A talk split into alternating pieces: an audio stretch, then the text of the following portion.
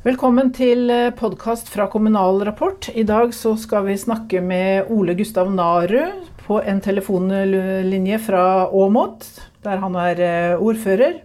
Men skal, grunnen til at vi skal snakke med deg da, Naru, er jo at du er leder av Lokalsamfunnsforeningen. Og det er jo da en forening som er mot tvangssammenslåing av kommuner. Eh, vi kan først eh, begynne å snakke litt Naru, om eh, reformen som eh, ja, skal vi si, første runde er avslutta. Hva syns du om resultatene så langt? Nei, jeg er jo ikke så veldig begeistra for resultatene. Vi, som du sier, er mot tvangssammenslåing, og vi mener at det var helt unødvendig å å tvangssammenslå eh, kommuner. Eh, det var et eh, tross alt begrensa antall kommuner som ble utsatt for det virkemidlet. og Jeg tror det er et veldig dårlig utgangspunkt for å slå sammen kommuner, at det en presser igjennom på den måten som har skjedd der. Men det fleste var frivillige. Det, det syns dere er greit? Eh, vel, altså, Jeg er ikke noen tilhenger av kommunesammenslåing heller, jeg da. Men du er ikke det generelt? Jeg syns det er greit dersom to kommuner finner ut at de ønsker å slå seg sammen. Ja. Eh, det som har skjedd med mm, kommunereformprosessen, er at det, mange kommuner har blitt satt under et veldig tidspress og et økonomisk press. Så eh, jeg vil jo kanskje si at en del av de sammenslåingene som framstår som frivillige, er det jeg kan kalle for panikksammenslåing. Kan du gi noen det, eksempler? Ja, hva skal vi si. Hva er det beste eksempelet på panikksammenslåing, da? Det kan være øh, Vel, den herre sammenslåingen av, av, Stavanger med Rennesøy og øh, Finnøy, den øh, tredje kommunen? Mm -hmm. Er et eksempel på en sammenslåing som etter mitt skjønn ikke burde ha skjedd. Eh, som verken Stavanger så vidt jeg kan se, eller de her to kommunene hadde sett for seg egentlig, og som det ikke er flertall for. Eh, så finnes det mange andre eksempler på kommuner som oppfatter endringene i inntektssystemet som så dramatiske at de uh, brukte det som et avgjørende argument for å gå inn for sammenslåing. Jeg klarer ikke på stående fot å liste opp hvem det er, men dette vil det være mange eksempler på. Din egen kommune, Åmot, dere sa klart nei til sammenslåing. Eh, hvorfor det? Eh, det er flere grunner til det. Avstandene i Østerdalen er veldig store. Og vi de sliter med sentralisering sånn i utgangspunktet.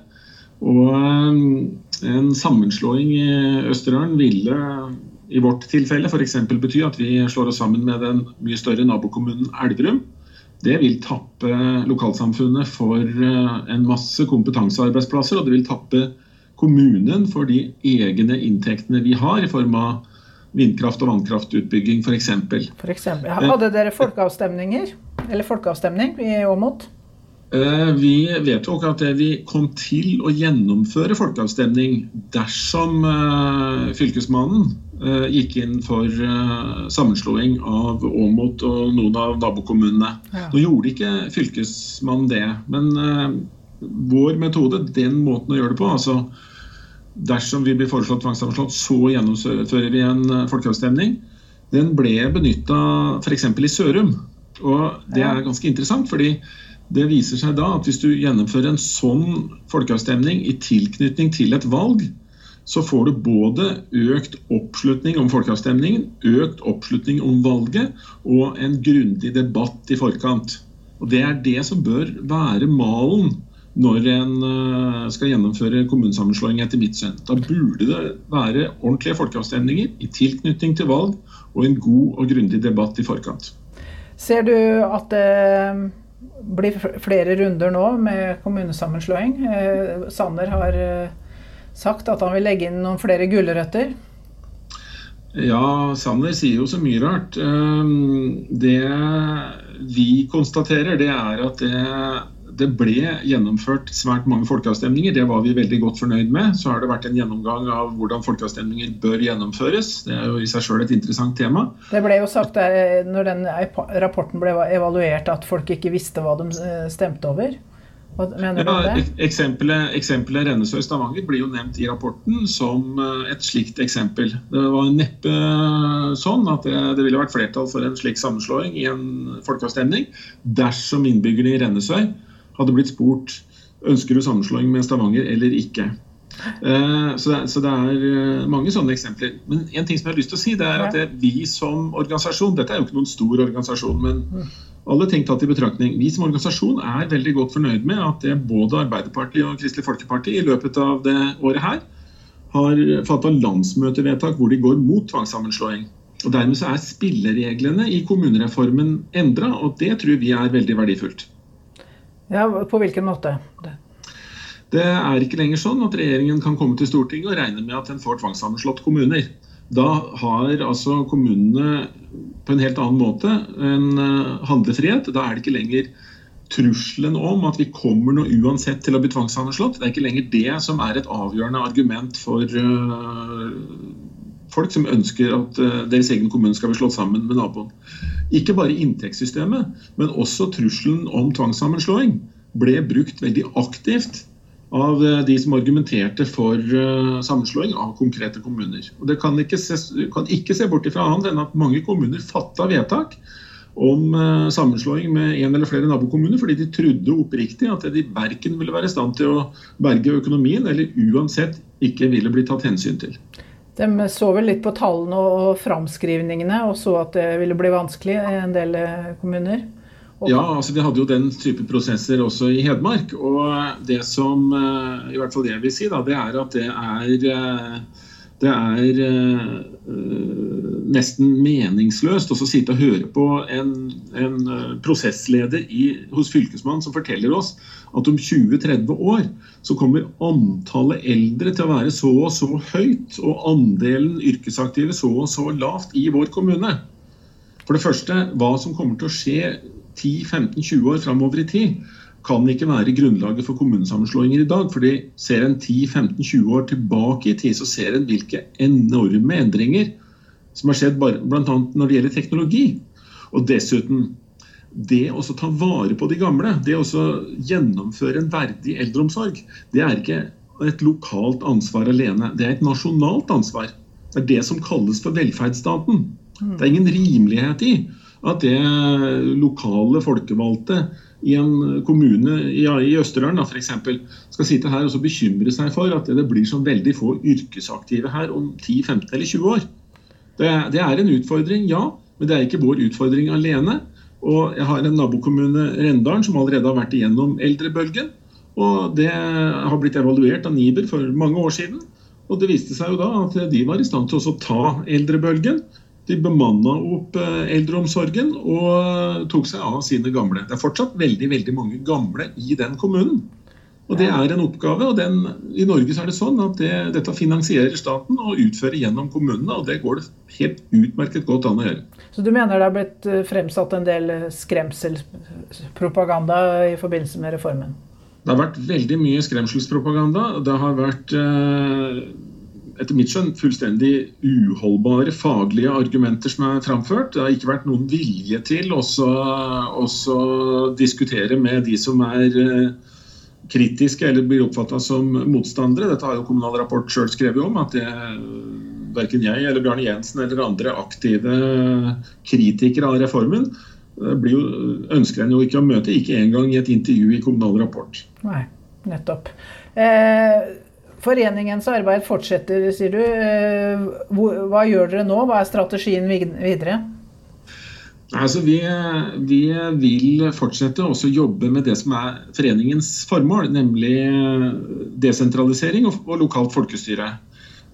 Kampen om tvangssammenslåing mener vi strengt tatt at vi i prinsippet har vunnet, gitt at det, det nå er flertall mot på Stortinget.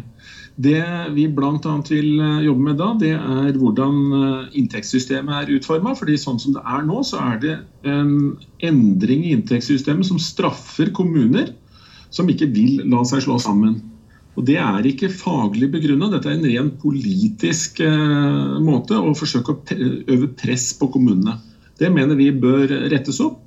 De, de, partiene som nå har flertall på Stortinget, de har sagt at de var mot disse her endringene. Da er det også mulig å rette opp i de verste feilene som er gjort. Så det er det dere jobber, lobber mot Stortinget nå for å få til?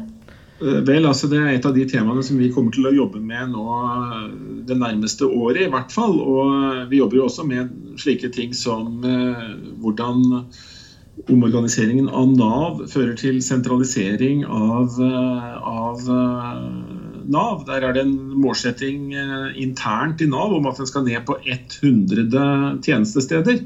Da vil en lang rekke kommuner stå uten lokalt Nav-kontor. Det mener vi at er feil. Og det vil vi gjerne ta opp i konferanser og lobbyarbeid og på andre måter. Nettopp. Det er fremdeles en del kommuner som, som da ikke slo seg sammen nå, men som tenker at de kanskje må det i framtiden. Har, har, du noe råd til de kommunene som nå ikke vil slå seg sammen, men som tenker at økonomi eller andre ting gjør at de kanskje må? Vel, altså jeg syns de skal ta den tida som er nødvendig. Hvis en skal ende opp med en sånn beslutning, så er det veldig viktig at den beslutningen har legitimitet. Og hvis den beslutningen skal ha legitimitet, så må det være en sannferdig og riktig og fullstendig utredning av spørsmålet.